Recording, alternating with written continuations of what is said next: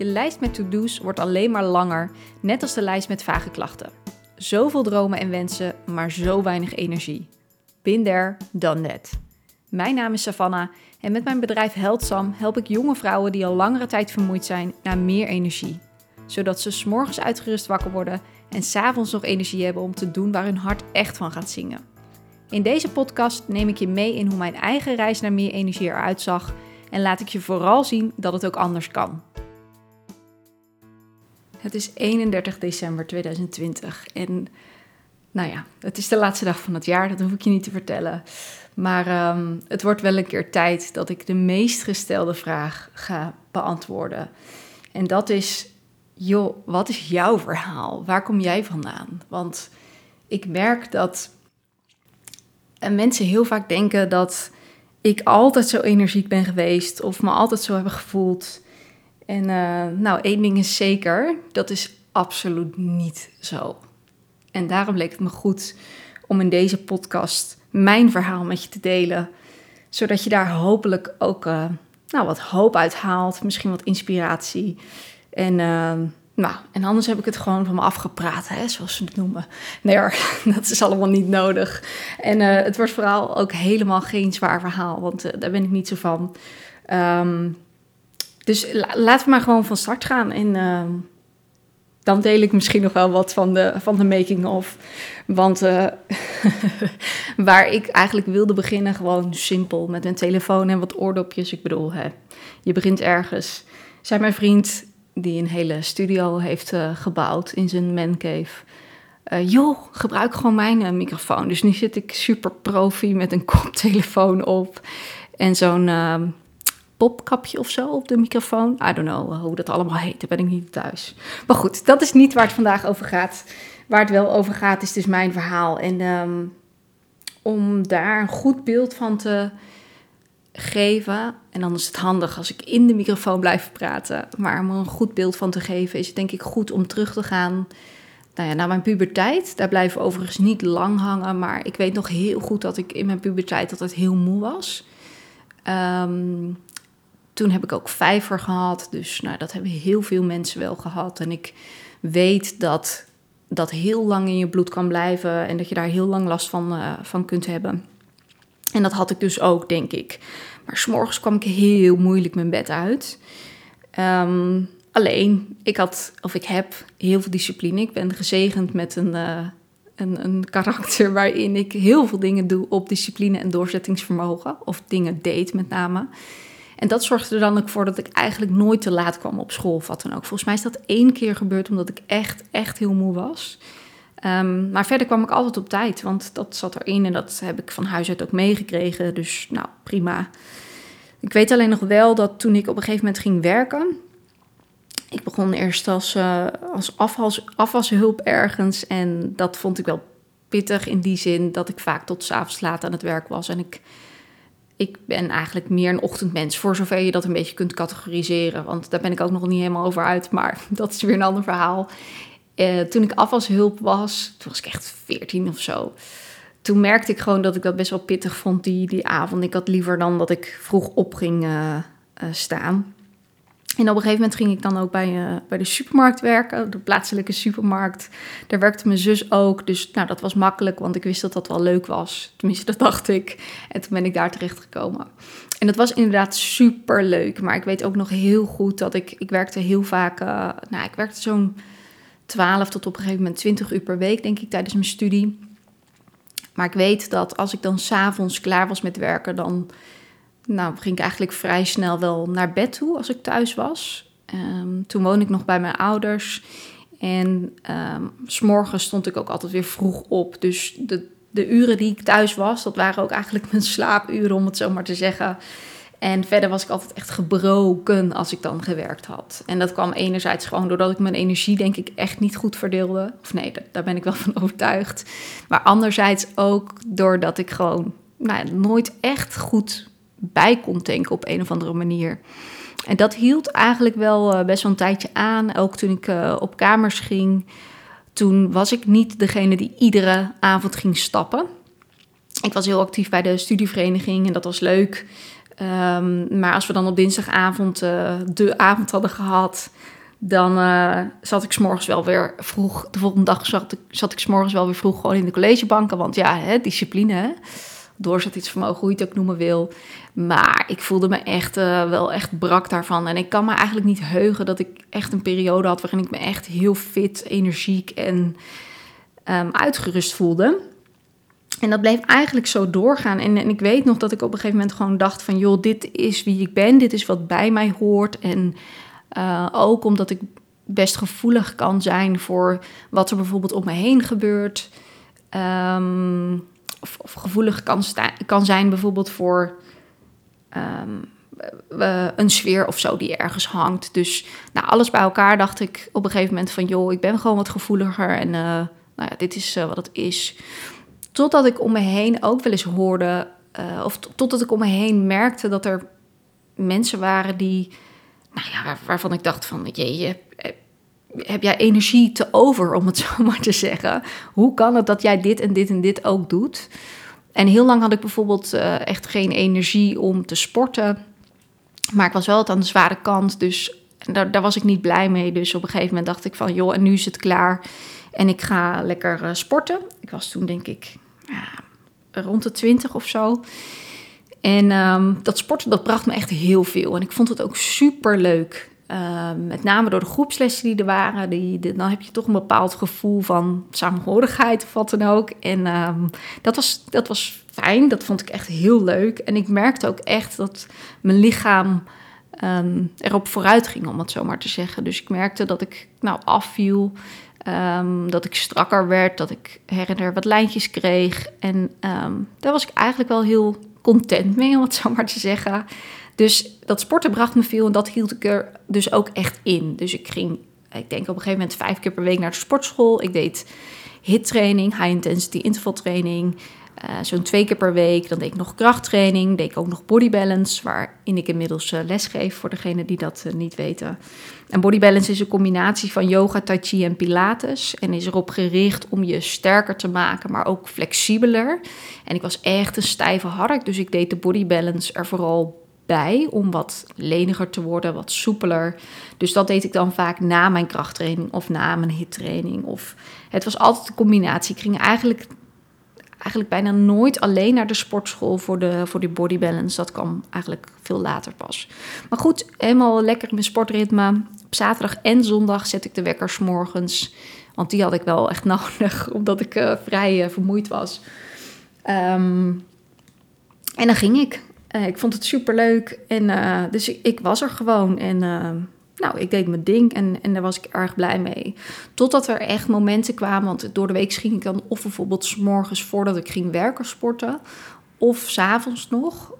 maar totdat, ik, totdat er echt wel momenten kwamen dat ik, nou ja, als ik de bank vijf minuten of zo aanraakte, dat ik echt dacht: wow, ik kan echt zo in slaap vallen. En dat gebeurde eigenlijk sowieso wel regelmatig. Dat ik s'avonds echt uh, met moeite bijvoorbeeld tien uur s'avonds haalde. Of eigenlijk kon ik nooit een film kijken, want ik viel altijd in slaap tijdens het film kijken. En dat zie je natuurlijk bij veel mensen terug. Hè? Maar toen dacht ik dus ook wel dat het normaal was. Inmiddels weet ik dus beter, gelukkig. En um, ik weet nog goed dat ik op een gegeven moment ook standaard na het sporten in het weekend een, een dutje nodig had om bij te komen. Dus dan kwam ik bijvoorbeeld om 11 uur of ergens tussen 11 en 12 uur thuis van de sportschool. Dan had ik vaak high intensity intervaltraining gedaan en dan nog een RPM-les, een fietsles voor degenen die dat niet kennen. En ik kwam thuis en dan was ik eigenlijk zo moe en ik had, ik had, ik dacht, ik heb zoveel honger, misschien heb ik zoveel verbrand. Dus nou, eerst goed eten, dacht ik van, nou, dat, dat helpt dan wel. Terwijl ik ook altijd vaak, ook altijd vaak lekker wel. Terwijl ik meestal ook wel um, echt een goed ontbijt nam. Dus nou ja, achteraf gezien lag het echt niet aan de calorietjes, zeg maar, die ik tot me nam. Maar ik, ik was zo intens moe eigenlijk na dat sporten. En ja, het was uh, nou, achteraf gezien misschien niet heel gezond. Maar goed, ik deed wat ik, uh, wat ik kon doen. Op een gegeven moment nam mijn vermoeidheid alleen zo toe dat ik uh, echt ook onderweg in slaap. Ik zat zo'n drie uur per dag ongeveer, uh, soms meer, soms minder, in de auto voor mijn werk. Ik ging van, uh, ik, ik, had een buitendienstfunctie bij, uh, bij supermarktketen Plus. Echt onwijs leuk was dat. Ik had echt heel veel plezier in mijn werk. En, uh, maar ik, ik reisde wel echt het hele land af. Dus ik woonde toen in Tilburg. En um, ik ging, na mijn studie ben ik dan in Tilburg blijven hangen. Dus ik ben opgegroeid in Dordrecht. Even tussendoor. Hè. Ik ben opgegroeid in Dordrecht en op een gegeven moment op kamers gegaan in Tilburg. En toen daar blijven hangen. Um, ook voor de liefde destijds.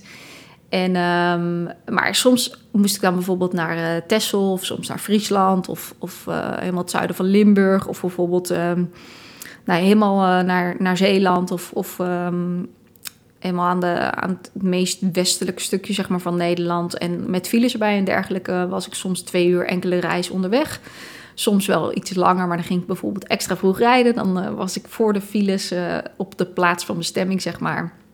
En vroeg opstaan was op een gegeven moment eigenlijk ook geen issue meer. In die zin, de wekker ging en ik stond eigenlijk vrijwel meteen naast mijn bed. Ik, ik kan niet anders zeggen dan dat ik altijd zei van... joh, ik kom echt meteen mijn bed uit en een tijd dacht ik ook wel dat ik dan uitgerust was. Hè? Want mijn wekker ging en ik stond naast mijn bed, zeg maar. Dus nou ja, dat klinkt wel als iemand die energiek wakker wordt. Um, totdat ik dus in slaap dreigde te vallen, echt achter het stuur. Dat ik echt moest stoppen onderweg om even frisse lucht te halen. Of de zoveelste Red Bull, want dat was dus echt mijn guilty pleasure, helaas. echt, ik heb, nou, soms dronk ik Soms dronk ik denk ik dagelijks Red Bull gewoon omdat ik het nodig had. En soms bewijzen van al om negen uur s morgens. Of nou niet bewijzen van, daar kom ik nu wel eerlijk vooruit helaas. Dat ik echt al s morgens aan de Red Bull zat. En, want ik lustte geen koffie. Dus ja, toen um, dacht ik op een gegeven moment van, ah, dit kan niet oké zijn. En ik at best wel gezond en ik sportte natuurlijk veel. Dus ik was er ook wel van overtuigd dat mijn mijn leefstijl zeg maar goed was. En, maar ja, waar was ik dan zo moe van? Ik weet wel dat ik s'nachts niet echt goed sliep, als in ik was vaak wakker. En, maar ook daarvan, ja, ik wist niet beter dan dat dat het was. Dus nou ja, maar, ja, toen ik dus in slaap dreigde te vallen achter het stuur en ook meer slapen, want ik sliep iedere nacht echt wel 8 à 9 uur, maar toen ook meer slapen niet op, niks oplost of niks uithaalde, zeg maar, ben ik toch nog een keer naar de huisarts gegaan. En, uh, want ik was heus wel eens vaker naar de huisarts gegaan, maar dan was het vaak van, joh, nou, doe wat rustiger aan en uh, misschien heb je iets te veel stress en dergelijke. En toen dacht ik van, nou, volgens mij valt dat allemaal wel mee. Toen ben ik nog een keer naar de huisarts gegaan en die zei wel van, um, nou ja, laten we dan nog maar een keer bloed prikken en uh, dan kijken we wel. En daar kwamen wel wat afwijkende waarden uit, maar echt nauwelijks, zeg maar. Dus toen hebben ze, uh, heeft de huisarts me doorgestuurd naar het ziekenhuis. En daar ben ik eigenlijk een beetje uh, binnenste buiten gekeerd. Volgens mij zeg je dat zo. En uh, ik voelde me wel redelijk serieus genomen. Ik was volgens mij onder behandeling bij een internist. En ik ben ook nog bij een MDL-arts geweest. Want ik had naast die vermoeidheid ook gewoon last van andere klachten. En dat heb ik toen ook wel gemeld. Dus ik had bijvoorbeeld uh, best wel regelmatig buikpijn. Of dat mijn buik heel dik werd. En um, dat ik gewoon niet wist waar dat dan van kwam. Ik kon bijvoorbeeld ook niet herleiden dat als ik iets van zuivel had gegeten, dat dat dan uh, zorgde voor een opgeblazen buik of uh, gluten of nou ja, de, de dingen die je regelmatig wel hoort. Dat had ik wel een beetje getest, maar dat, dat kon ik niet echt uh, achterhalen, zeg maar. Nou, ze hadden echt ontlasting wel onderzocht. En, en ze hebben een, een, wat hebben ze gedaan? Een hartfilmpje gemaakt. Ze hebben bloeddruk uiteraard gemeten. Uitgebreide bloedonderzoek. Ze hebben een slaaponderzoek nog gedaan. Hè, dat ik allemaal van die elektroden op mijn uh, hoofd kreeg. En uh, daarmee mocht ik dan naar huis. Eigenlijk uh, moest je al in je nachtjapon, zeg maar, komen. zodat je daarna niet meer je om hoeft te kleden. Ik heb er nog een foto van. Echt, ik zie eruit. Nou ja, sowieso met die elektroden, maar ook echt die wallen. Als ik, als ik wel eens foto's terugzie, dan denk ik: jeetje, hoe, waarom heeft niemand tegen me gezegd dat ik er zo uitzag? Misschien hebben ze wel geprobeerd, maar luister ik niet. Dat kan natuurlijk ook. Maar dat kan ik me dus echt niet herinneren. Terwijl ik, ik vind echt dat als ik nu foto's terugzie, dat ik er echt slecht uitzag. Maar goed, dat, uh, dat is weer een ander verhaal. Um, maar nou ja, al die onderzoeken samen, die leverden uiteindelijk vrijwel niks op. Behalve dat ze uh, bij het slaaponderzoek wel constateerden dat ik 15 ademstops per uur per nacht had. Uh, dat vond ik zelf vrij veel en dat verklaarde ook wel waardoor ik, waarom ik eigenlijk nooit het gevoel had dat ik echt, echt diep in slaap was, zeg maar. Um, altijd het gevoel dat ik heel, heel licht sliep. Ik werd van het minste of geringste echt wakker. Op een gegeven moment heb ik ook echt met oordopjes bijvoorbeeld ingeslapen, zodat ik dan zo min mogelijk omgevingsgeluiden hoorde. Terwijl ik woonde uh, ook echt wel in een goed geïsoleerd huis. Dus nou ja, ik kan niet echt zeggen dat dat, um, dat, dat ervoor heeft gezorgd dat ik, uh, of zeg maar dat er zoveel geluiden waren dat ik daardoor dan wakker werd. Maar goed, die, die 15 ademstops per uur per nacht, daarvan dacht ik zo, dat is, dat is best wat. Dus ja, en nu? En um, nou, dat blijkt dan het begin te zijn, zeg maar, of de ondergrens van lichte slaapapneu. En um, die diagnose heb ik uiteindelijk niet gekregen. En, en daar ben ik heel blij mee. Vooral omdat je met slaapapneu bijvoorbeeld geen auto mag rijden. En uh, nou, er zitten natuurlijk nog heel veel andere ongemakken aan. Maar destijds dacht ik wel van ja, maar ja, ik heb wel die 15 ademstops per uur per nacht. Dus um, ja, dat gaat, hoe gaat dat dan weg? Als in, hoe kan ik dan mijn slaap verbeteren? Nou, daar hadden ze niet echt een antwoord op. Dus toen dacht ik, nou, ja, oké. Toen hebben ze ook nog even gedacht aan een, uh, aan een spierziekte. En ik weet nog dat ik daar zat en ik deed al die afspraken in het ziekenhuis. Dat waren er best een aantal. Binnen een paar weken deed ik allemaal alleen. Gewoon ook omdat ik nou ja, vond dat ik dat prima alleen, uh, alleen kon doen. Maar mijn toenmalige vriend was ook niet per se iemand die zei van... joh, ik ga wel met je mee, want nou ja, er moet ook gewerkt worden en dat soort dingen. Um, maar toen ik daar zat bij, die, uh, nou, bij de neuroloog... Uh, toen zei hij van, ja, we, we, denken toch dat er mogelijk een spierziekte aan ten grondslag ligt. Bijvoorbeeld ook omdat ik nou, echt snel hele zware benen had. Ook als ik niet gesport had. Ook als ik een paar dagen niet gesport had, dan kon ik zulke zware benen hebben. Alsof er echt diepe spierpijn in zat. Of als ik een trap opgelopen was, dan nou, dan kon ik echt helemaal buiten adem zijn. Terwijl, en natuurlijk, ik weet dat traplopen is echt een andere vorm van conditie, zeg ik altijd van. Hè, zelfs de meeste, uh, of de meeste, um, hoe zeg je dat? Nou, in ieder geval mensen die heel veel sporten, die hebben vaak wel een goede conditie, maar ook die uh, vinden traplopen niet per se het makkelijkste of het leukste om te doen. Um, en daar schaarde ik mezelf ook onder. Maar soms dacht ik echt van, nou, ik ben nog meer buiten adem dan een collega die niet sport bijvoorbeeld. Hè. We, hadden dan een kantoorpand waar best wat, um, wat, waar best wat trappen, zeg maar, uh, zaten. Dus vandaar dat ik die vergelijking kan maken. Um, maar, nou ja, goed, dus, dus die mogelijke spierziekte dacht ik wel van, oeh, jee, nou, dat is wel echt slikken. Dat vond ik ook wel echt heftig om te horen. En ik wist ook niet zo goed wat ik daarmee moest doen. Maar toen hebben ze allerlei onderzoeken nog uitgevoerd en, en spiertesten en, en weet ik het wat. En uiteindelijk bleek dat ook niet zo te zijn. Was ik natuurlijk super blij mee, want... Nou ja, ik trouwens, ik hoef dat niet uit te leggen, denk ik. Maar uh, zo'n diagnose wil niemand krijgen. Dus daar was ik super blij mee. Um, maar ja, na al die onderzoeken was het wel een beetje zo van ja, we kunnen niks vinden. Dus uh, nou ja, dit is wat het is. En, en bijvoorbeeld, uh, ik had wel echt een lage hartslag, hè, rond, de, rond de 50 slagen per minuut. Um, een lage bloeddruk, maar dat had ik altijd al gehad. En nou, heel veel dingetjes kon ik echt opnoemen. Bijvoorbeeld, ik had heel vaak koude handen of, of echt van die, uh, van die wintervingers, zeg maar. Dat, dat, nou, dat het bloed er helemaal uh, uit weg lijkt te zijn. Dat ze helemaal wit waren en nou, al dat soort uh, dingen. Maar niemand leek dat aan elkaar te kunnen koppelen of zo. Ik weet niet precies hoe ik dat het beste kan, kan aanduiden. Maar ja, feit was, in het ziekenhuis uh, waren ze klaar. En toen dacht ik, ja, en nu dan? En ik weet nog dat ik dacht, oké, ik heb nu twee keuzes. Ik kan of inderdaad dus accepteren dat ik gewoon zo ben met mijn vermoeidheid, dus, dus gewoon laag energielevel. Dat ik moet kiezen wat ik dan ga doen. Dat ik of naar die verjaardag ga, of uh, nog gezellig uit eten kan met, uh, met wie dan ook. En um, nou ja, dus, dus altijd keuzes zal, uh, zal moeten maken. Of ik ga gewoon door totdat ik weet waar het wel vandaan komt. Omdat ik er ook ergens wel van overtuigd was dat het niet normaal was dat, dat als 20-jarige, of in ieder geval ik was begin 20, dat ik me zo vermoeid voelde. En eh, met name ook omdat ik nog zo goed weet dat het heel lastig uit te leggen is aan mensen uh, waarom, nou ja, hoe je je dan voelt. Hè? Want op zich zagen mensen het dus niet altijd, zeiden ze. Terwijl, nou ja, even terugrefererend naar die foto's, denk ik van, nou, ik weet niet uh, waar jullie ogen hadden, maar uh, niet op, op mijn gezicht, denk ik. Maar goed, make-up doet natuurlijk ook wonderen, dat begrijp ik ook wel nou ja, wonderen, wonderen. Dat hopen we dan altijd maar. Um, maar ik, ja, ik, ik, nou ja, uiteindelijk, hè, vanuit die twee keuzes dacht ik wel van nee, ik, ik, ik kan me er niet, ik kan en ik wil me er niet bij neerleggen. Dus dat heb ik ook niet gedaan. En ik ben gewoon gaan zoeken. En ik heb me suf gegoogeld. En ik, en ik ben gaan kijken, oké, wat kan ik dan wel? Nou, uiteindelijk kwam ik dan bijvoorbeeld bij een orthomoleculair therapeut terecht.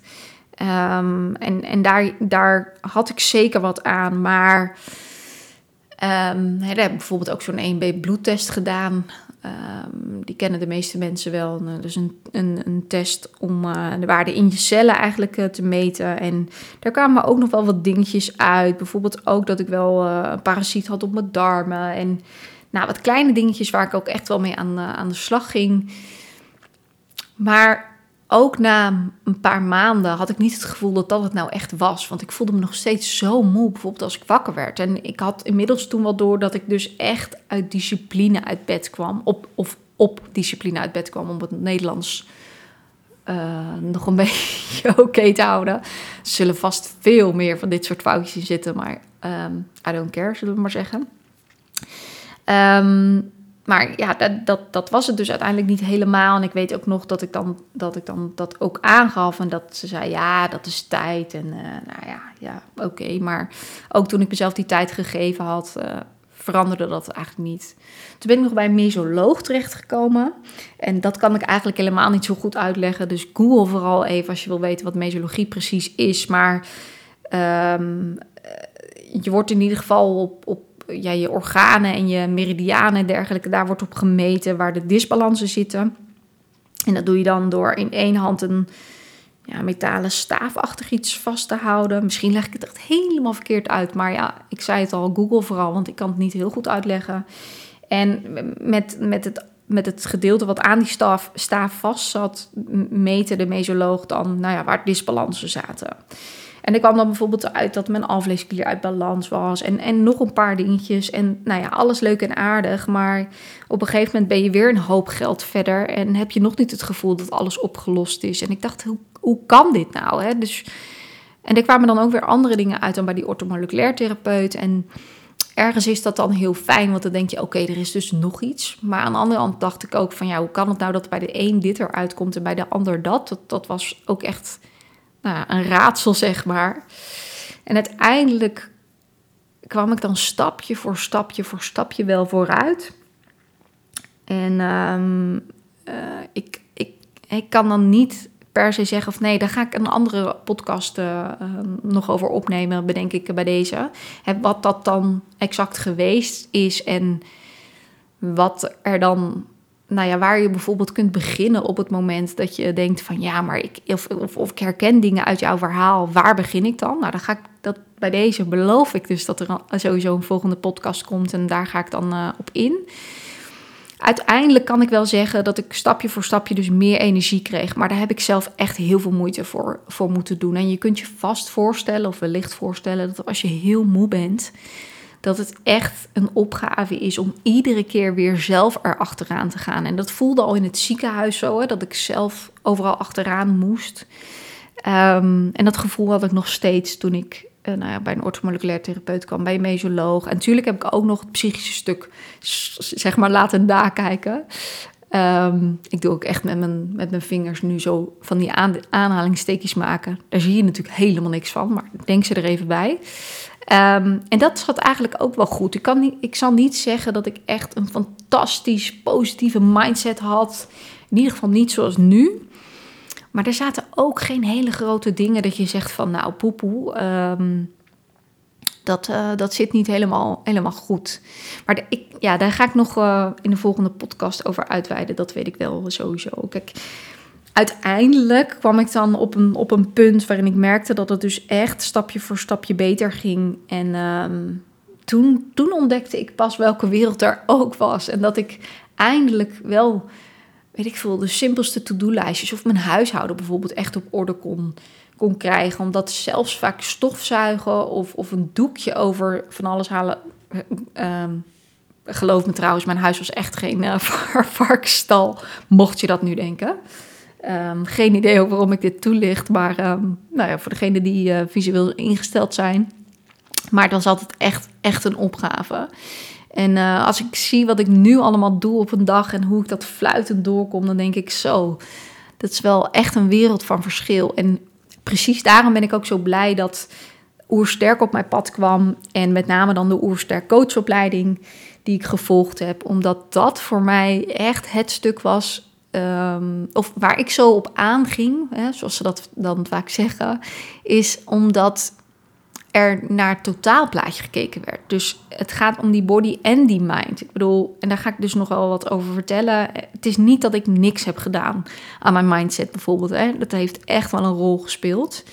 Um, maar het gaat om het totaalplaatje. Het gaat niet alleen om wat je eet. Het gaat ook niet alleen um, om uh, of je wel of niet voldoende beweegt. En het gaat ook niet om.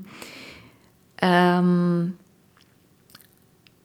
om, om wat je achterlaat op het toilet. Alleen alles bij elkaar maakt wel echt een wereld van verschil.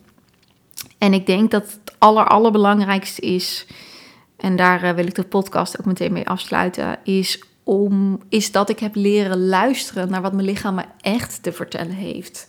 En dat klinkt altijd een beetje ja, zweverig of zo. Maar wat ik daar vooral mee bedoel is. Ehm, als je lichaam aangeeft dat het moe is, dan, dan is het gewoon een teken dat er ergens een disbalans zit. En waar je die mag gaan zoeken, daar ga ik je dus nog wat meer over vertellen in de volgende podcast. Um, maar begin eens met leren luisteren. En begin eens met rust te nemen op het moment dat je lichaam heel moe is. Ik had bijvoorbeeld dan, als ik ging zitten op de bank, wat ik niet zo heel vaak deed, spoiler, Ehm, dan, dan werd ik echt overvallen soms door die vermoeidheid. Dus toen dacht ik, ja, ik kan beter doorgaan. Terwijl achteraf gezien was dat juist het teken dat mijn lichaam die rust zo hard nodig had. Dat als hij dan een klein beetje een opening kreeg om, om die vermoeidheid er te laten zijn, dat hij nou ja, er ook meteen in alle hevigheid was, zeg maar. Um, en dat is eigenlijk wat ik je ook gun, om, om je daar eerst aan over te geven. En vanuit daar, vanuit die rust, te gaan kijken, oké, maar waar zit die disbalans dan uh, daadwerkelijk? Goed.